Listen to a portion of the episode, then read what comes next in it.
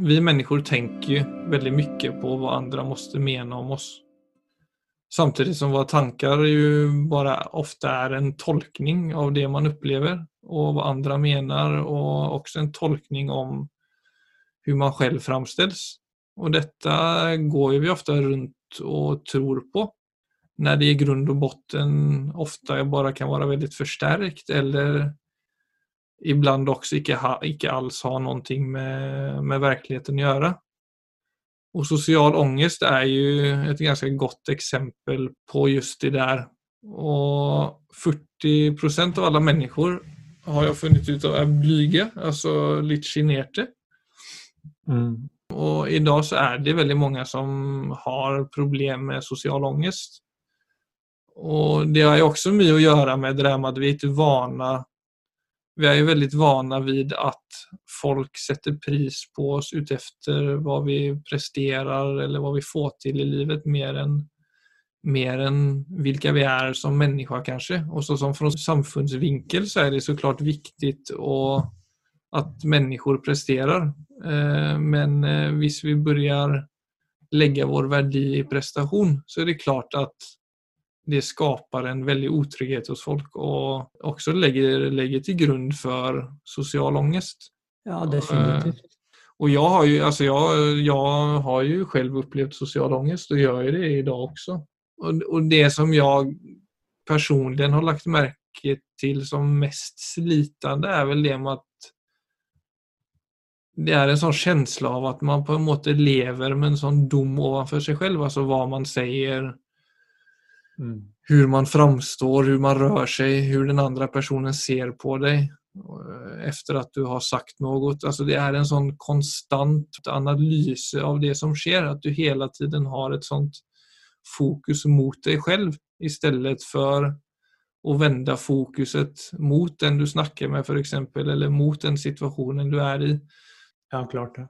Jag tror eh, det du snackar om här, Philip, är ganska, är ganska komplext. Jeg tror hvis vi skal prøve å forstå det, så tror jeg vi må se på både evolusjonen vår og den tiden vi lever i. Altså det vi er jo flokkdyr, så hva gruppa mener om oss, altså vår plass i gruppa, tilhørighet, alt det, det ligger jo som dype mekanismer i oss fra, fra evolusjonens side. Så det, vi får masse impulser og følelser selvfølgelig, og som trigger tanker fra fra den eldgamle historien som vi faktisk fortsatt bærer. Mm. Så hvis du tar alt det, og så plasserer du det inn i den tiden vi lever i, hvor det er et enormt press på individet er, Vi definerer oss ikke selv lenger som en gruppe. Det er ikke sånn at vi har en naturlig plass i en gruppe, og at vi jobber på lag. Altså I dag så skal alle alle skal prestere, og det starter veldig, veldig tidlig. Så med alle de instinktene vi har for, å, for tilhørighet, og for gruppetilhørighet, og med det presset på at i dag så skal alle skinne, mm. så blir det veldig, veldig vanskelig å være menneske. Der, eh, da blir det veldig naturlig, som du sier, at vi i verste fall går sånn konstant og overvåker oss selv. Og da med den, med den valøren om Gjorde jeg noe feil? Sa jeg noe feil? Hvordan mm. opplevde de det? Så det blir da ofte en veldig fokus på, på den type spørsmål, som jo egentlig er umulig å finne ut av. Så det blir mye sånn indre spekulasjon. Og I verste fall så går man seg vill i sånne indre historier på at man kan ha sagt noe feil eller gjort noe feil osv. Og, så og så er jo da Og så blir det tankekjør, rett og slett, som uh... Ja, for jeg kunne jo merke det med Altså, når jeg hadde ganske sterke perioder av hvordan jeg skulle oppfattes av min omgivning og hva jeg ønsket å framstille meg selv som så kunne jeg faktisk tendere til å dra meg undan människor som du på karrieremessig kan kalle vellykkede, for i frykt for å kjenne meg forminsket. Ja, det tenker jeg jo er veldig naturlig. Men, men, jeg tenker at det er den type ting du snakker om her, som er altså viktig og interessant å bli klar over i seg selv. Altså sånn på hvorfor gjør jeg det jeg gjør? Og så Mm. eventuelt se driver jeg nå bare med en unnvikelsesmekanisme fordi jeg egentlig er redd for å bli vurdert. For i verste fall så kan jo hele livet bli bundet opp i den type unnvikelsesmekanismer. Og krisen med det er jo at da får jeg ikke levd det jeg skal. Da er det egentlig frykten som har tatt over livet mitt. Ja. Og så har jeg bare blitt trygghetssøkende. Og det, det kan det være ganske vanskelig å få øye på. Ja. Det, dette går bare på automatikk. Ja, for hvis vi undviker saker som vi i utgangspunkt kanskje borde gjøre av sosial ångest, så kan det Der, der og da så kan du på en måte bli lettet og, og kjenne på en sånn trygghetsfølelse, som du sier. Men det følger jo også med en viss skam og skuld og besvikelse over seg selv. For at man Det är som du sier, man stenger mer og mer av, og man stenger seg mer og mer inne. Når ång, alltså ångesten, og i dette fallet sosial ångest, får styre för mye. Så att langsiktig så blir jo selvkjenslen egentlig bare svagare og svagare. Ja, og det er det som er problemet. Det er, eh, det er akkurat som du sier, man velger unnvikelsen, og så får man en umiddelbar lettelse, og det kjennes jo ut som en frihet. Mens den langsiktige konsekvensen er jo at jeg snevrer inn livsområdet mitt mer og mer, og blir eh, eh, Til slutt så er det bare trygt hjemme. I verste fall så er det bare trygt hjemme alene eller foran en skjerm. Altså, da tar vi det helt ut, men altså, det, er, det er den veien det går. Men ångest og sosial ångest har jo blitt så veldig utbredt i dag. Vi har vært inne på det før også, det der med rollespill. Jeg vil ikke liksom si at allting i livet, at vi går rundt og bærer roller, og at ingenting er autentisk. Men altså, det, dette kan jo ikke være mulig hvis ikke vi hadde vært så identifiserte med våre roller og prestasjoner i livet. Nei, det vil jeg jo helt klart si. Jeg vil si for at det Altså, vi mennesker, vi er eh, en art som kan Det er som vi har to forskjellige historier i oss. Og den ene historien, den ene fortellingen, den ligger eh, egentlig koda inn i DNA-et vårt.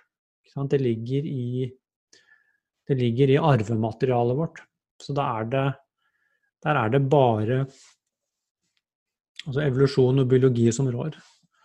Men så har vi også den muligheten til å skape nye historier. Som kommer fra eh, I mangel av bedre ord, kanskje det kommer fra spirit. Så vi mennesker, vi kan skape nye narrativer. Vi kan tre ut av alt vi har lært, alt som har blitt prenta inn i oss, og starte på nytt. Altså Vi kan finne ut hvem er jeg egentlig? Hva er det som gir meg virkelig glede? Hva er det som gir meg passion? Hva er det jeg har lyst til å uttrykke? Mm. Og der ligger jeg vil si, Der står den egentlige kampen. det å si, Og da må jeg også klare å fri meg fra hva vil andre tenke om meg hvis jeg viser hvem jeg egentlig er? Der ligger den egentlige kampen. Så det er risikofylt. Men samtidig, det er der det virkelige livet ligger og venter. Det er å si at og på et eller annet tidspunkt så vil det ofte dukke opp til slutt, så er det Ja, det får, det får bære eller briste. Men dette er så viktig at dette må jeg bare gjøre. Og det interessante da, da begynner du å speile deg selv innenifra. Så du gir deg selv den bekreftelsen du trenger innenfra. Og der ligger stoltheten og selvaktelsen og friheten og alt ligger egentlig bare og venter på å bli uttrykt. Men det er, der er det et, et sprang som et, eh, et menneske kan utføre. Og det interessante er det kan vi gjøre når som helst i livet. Det er et avgjørende øyeblikk hvor man kan skifte fra å bli definert utenifra til å begynne å definere meg selv innenifra. Men det er jo precis som om man har bygd opp en sånn skjöld mot livet nesten. Altså at du går igjennom på en måte så mye så mye eller så lite motstånd eh, beroende på hvilket liv eh, du har levd eller hvem eh, du er, at Så blir det nesten som om man går rundt med en rustning i møte med livet.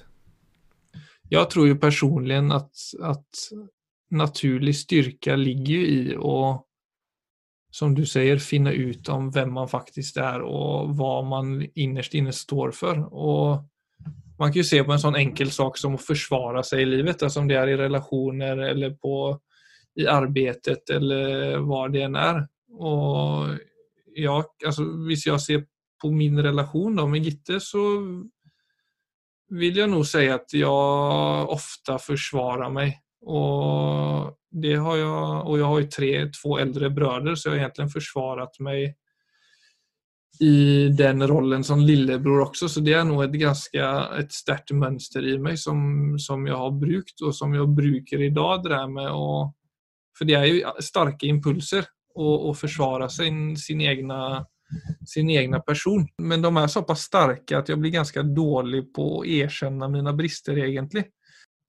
Och så kan jeg tenke på hvem er det jeg egentlig forsvarer når jeg vel gjør det? Er, altså, hva er det for Er det en idé om hvem jeg er? Altså, er det, Er jeg redd for å tappe ansiktet? Mm. Eh, og, for jeg merker jo det at den usikkerheten den er jo overfladisk. Så det er jo noe på ytan som jeg hele tiden forsøker å forsvare. Ja. Det er klart, det å snu, det å snu et mønster, det er som å snu et tankskip. Det tar veldig lang tid. Altså, du, vender, du vender rattet, men det tar lang tid før båten lystrer, for at du er i et momentum. Så, så det, dette starter jo med det du snakker om nå. Det starter med å bli klar over det. Men der slutter ikke jobben, det er der den begynner. Og så begynner en langsom, en langsom jobb med å begynne å se klarere, slippe taket, være ærlig, erkjenne når man har begynt å vikle seg inn i noe gammelt. Mm. Og gjennom det så begynner vi å slippe tak i rustningen. Men det er klart, når vi slipper tak i rustningen, så blir vi mer sårbare. Og det liker vi ikke. For at det det er Altså, hun har gått med rustning lenge, så føler man seg veldig naken når man tar den av. Så, og jeg tror også i begynnelsen så føler man seg svak. Det tar litt tid før du ser det at sårbarhet er ikke svakhet. Altså det krever en enorm styrke å være sårbar. Det å ikke beskytte seg. Så her snakker vi om uh, uh, Vi snakker på en måte om, om ting som er fundamentale for hvordan er det jeg lever livet mitt. Og det, skal jeg gå rundt og beskytte meg, så er det, er det sånn jeg ønsker å leve. Men jeg tror så lenge vi identifiserer oss med altså med biologien vår og med historien vår og med betingingen vår, så er det uunngåelig at vi lever med en rustning. For at biologien handler stort sett om frykt. Altså det er fryktmekanismer. Så du vil se det at alle de små likes and dislikes og de små unnvikelsene og strategiene du har i livet, så du, hvis du følger dem, så er det oi, de bunner i frykt. For det er en idé om at det er noe å forsvare her i det hele tatt. Men han opplever at du er mislikt, f.eks.? Ja, det er akkurat der. Ikke sant? Det er der kampen ligger. Hva skal eie mitt liv? For jeg vil jo si uansett hva du gjør, så vil noen like det, og andre mislike det. Så, vil, så det, det, fortsetter bare uansett. Mm. Så egentlig så burde man da kunne si ok, da får jo det Da kan jeg jo like gjerne bare være meg. Og de som misliker det, så er det helt greit. Altså det jeg liker ikke alle, alle liker ikke meg. Det er jo en helt fair sak. Men da kan jeg jo Men i hvert fall hvis jeg er Uttrykker meg sånn som jeg er, og de, de som liker det, så vet jeg at da liker i hvert fall de meg. Det er jo veldig trygt. Det er jo svårt å hitta altså vi ser bare på en oppvekst når du vokser opp, og alle har jo mer eller mindre motstand på ulike sett, og store eller små traumer. Men vi har jo altså om vi ser på det å tilhøre eller å få den som du sier, at, at, du skal kunne komme i kontakt med deg selv på en god måte når du blir vuxen. Så ju, kan jo det være vanskelig. Altså vi, om vi bare ser på mobbning eller på missbruk eller på en så enkel sak som å bli plassert på benken i en fotbollsmatch. Så er det hele tiden en känsla av å ikke få være en del av, altså ikke få tillhöra. Og det kan jo spåre veldig mye av det vi gjør mot hverandre, oberoende av hva det er. Så er det ofte en sånn minimering av deg, eller at du ikke har en plass. Og da er det jo ikke rart at folk begynner lure på om det er noe galt med en, eller om det ligger noen sannhet i det at folk ikke skal gille en, eller at jeg blir utsatt for dette. Og så sätter ju det såklart igång väldigt mycket psykologiske mønster som ju vi bär med oss i ungdomen og senere in i vuxenlivet.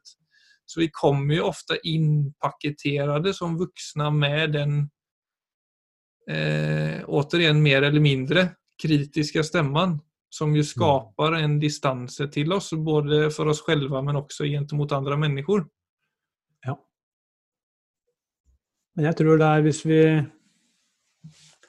altså For meg så begynner jo livet altså på virkelig når du oppdager det at du er mer enn det.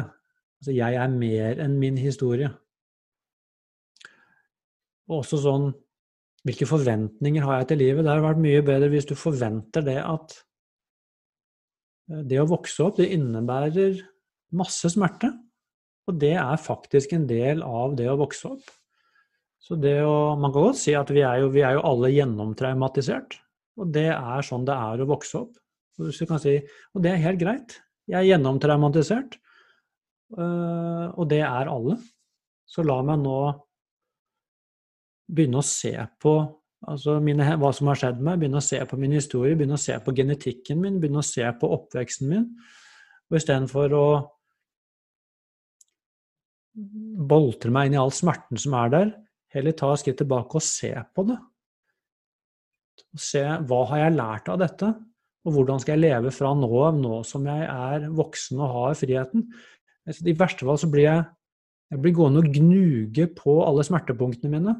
Og det eneste jeg får igjen for det, er at jeg fyller nåtiden og fremtiden med smerten fra i går. For meg så er det et, et altfor snevert menneskesyn. Vi mennesker vi tåler utrolig mye. Og vi har noe i oss som er uberørt av vår egen historie, og det venter egentlig bare på å komme i aktivitet. Sånn at jeg kan utfolde meg selv som den jeg faktisk er. Autentisk. Og det er ikke historien min. Det er ikke genetikken min engang. Vi er bærer av noe mye mer enn det. Og egentlig det Hvis du kjenner på alle mennesker har et driv i seg. Det er noe som driver oss framover. Og dypest sett så vil jeg si det er drivet til å uttrykke meg sånn som jeg er. Og der ligger også der ligger det frihet, der ligger det selvkjærlighet, der ligger det stolthet. Der ligger egentlig alt det som er sterkere enn de andres blikk. De andres blikk er Egentlig så er det bare noe som er der for at vi skal komme over det. og se Folk får tenke hva de vil, de får mene hva de vil. Det spiller, ikke, det spiller ikke noen rolle for meg. Jeg har et liv å leve. Jeg har noe jeg må uttrykke. Hvis du kunne lagt vekten der, så kjenner du ikke det at det er noe i deg som løfter seg når jeg snakker på den måten? Om jeg gjør det? Ja. jo, veldig. Ja, for det er så lett å bli det er akkurat som vi noen ganger insisterer på at livet er en badehette, og at jeg er nødt til å leve i den der trange, mørke hetta. Nei, kan sprenge grensene for det. Mm. Og finne ut hva det er å være et menneske. Vi er ikke biologiske mekanismer, bare. Vi er noe mer enn det.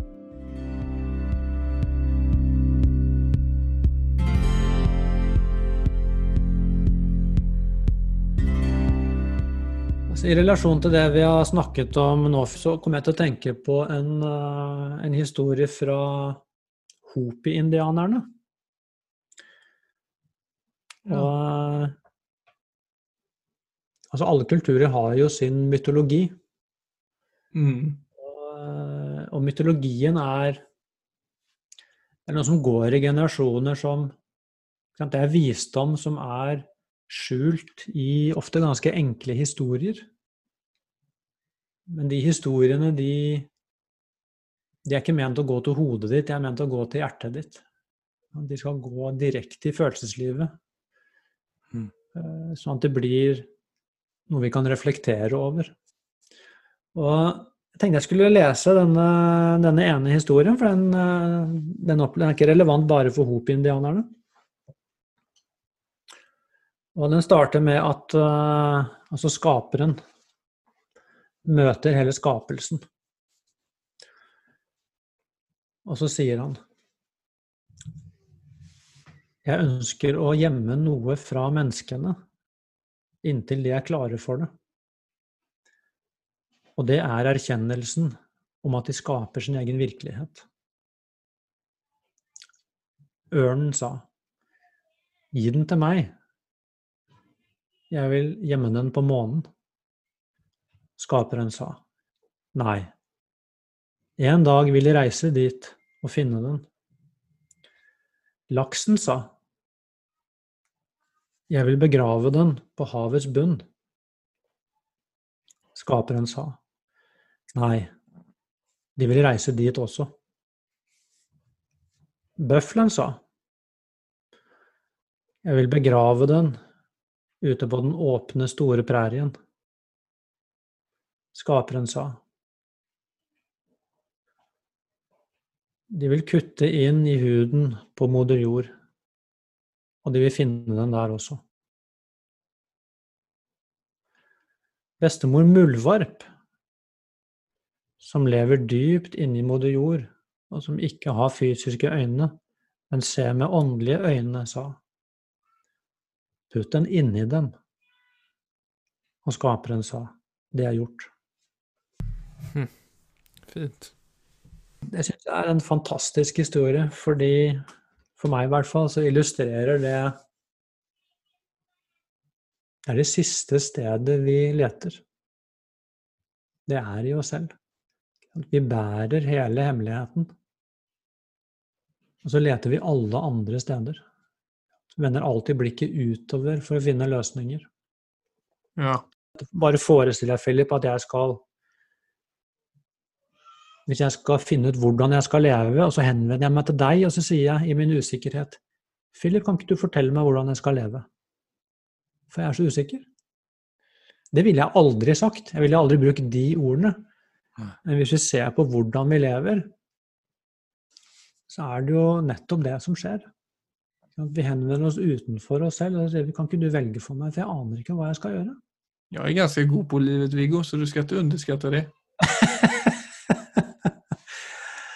altså, det er virkelig å virkelig se på, se på seg selv og hva jeg velger og hva jeg gjør, altså med, med de øynene. Og se altså, hvorfor gjør jeg det jeg gjør? Og begynne da å, å komme med en egen mulighet til å diskriminere og si ikke sant, det er den stemmen er i meg, og den stemmen er i meg. Men også den stemmen. Den stemmen som jeg kjenner bare dypest sett, er dette jeg kjenner som sant. Hvorfor kjenner jeg noe som sant? Altså, hvor kommer det fra? Mm. Det er uh, ganske nyttig å kikke på. For vi har det i oss alle sammen, og det snakker mye tydeligere enn det vi er klar over. Vi må bare henvende oss til det. Ja, og hva som er sant, kan du finne i andre mennesker. Altså i form av inspirasjon, ikke sant? Definitivt. Jeg drogs jo den dagen til deg når vi møttes på kaféet av en grunn. Det var ikke for at jeg søkte din bekreftelse, men det var jo for at det var noe i meg Altså, du forkroppsligade noe som i meg var viktig, ikke sant? Det er noe helt For da vil jeg snakke om inspirasjon. Det er selvfølgelig viktig, for at i et øyeblikk av inspirasjon så gjenkjenner du noe i deg selv så det er veldig viktig å huske på. Hvorfor ble jeg inspirert av visse typer mennesker? Jo, fordi jeg kjenner det igjen. Ergo så har jeg det selv. Ja, og det er det jeg tenker er litt viktig å ha et øye på. at Når er det? For det kan man også lett se. Når gjør vi dette av den enkle grunnen å få en bekreftelse? Og når gjør vi dette for at det er et driv i oss? Ja.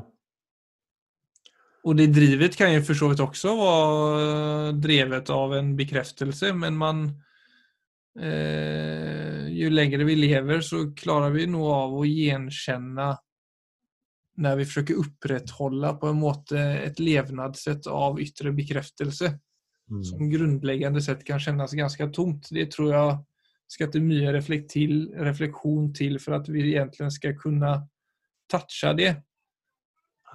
Men samtidig så er det Hvis vi har levd så lenge, så er det også så som jag själv upplevde det där med att det kan kännas tomt.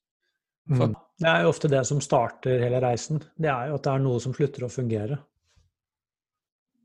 Det var eh, Altså i mitt eget tilfelle så var det jo Jeg ser jo helt tydelig at jeg at jeg arvet en måte å se verden på. Altså, det gjør vi faktisk. Altså Vi arver Hvordan skal man være menneske? Hva er riktig, og hva er galt? Hva er et godt liv? Og så videre og så videre. Og for meg så hele det narrativet som jeg arvet, det kollapset eh, heldigvis når jeg var eh, ganske ung. Så da, da var det helt klart for meg at alt det har blitt forklart, det er hvert fall Altså, det stemmer ikke. Men jeg ante ikke hvor jeg skulle gå, jeg bare visste det at det jeg har blitt fortalt, det stemmer ikke. Og da kommer jo den enorme egentlig noen sånn eksistensiell tomhet, for da blir du værende i et slags ingenmannsland. Mm. Og så var det jo da altså For meg så ble det jo møte med disse gamle tibetanske lamaene og buddhismen som på en måte pekte ut noe nytt. Så det kom jo på en måte utenfra, men det ga en enorm resonans inni meg. Og det var jo det som var viktig. Det var at jeg kjente at oi, her er det liv. Ja. Og, og det jeg fant liv i, var jo da et mye, mye større perspektiv på hva et menneske er, og hva eksistensen er. Så, der, så jeg vil jo si at at der begynte jo Det var jo som å bli født på ny, egentlig. Du, du, du var som å bli født inn i et nytt narrativ, og bli født egentlig inn i hvem jeg er, på ordentlig. Så jeg må jo si at før det så var det jo en slags skyggeeksistens. For jeg hadde ikke kommet i kontakt med meg på ordentlig.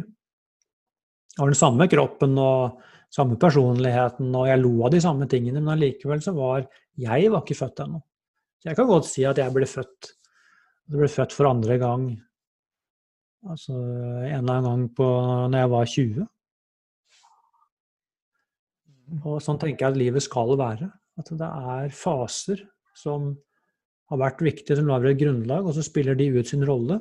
Og så må de faktisk dø for at noe nytt skal oppstå.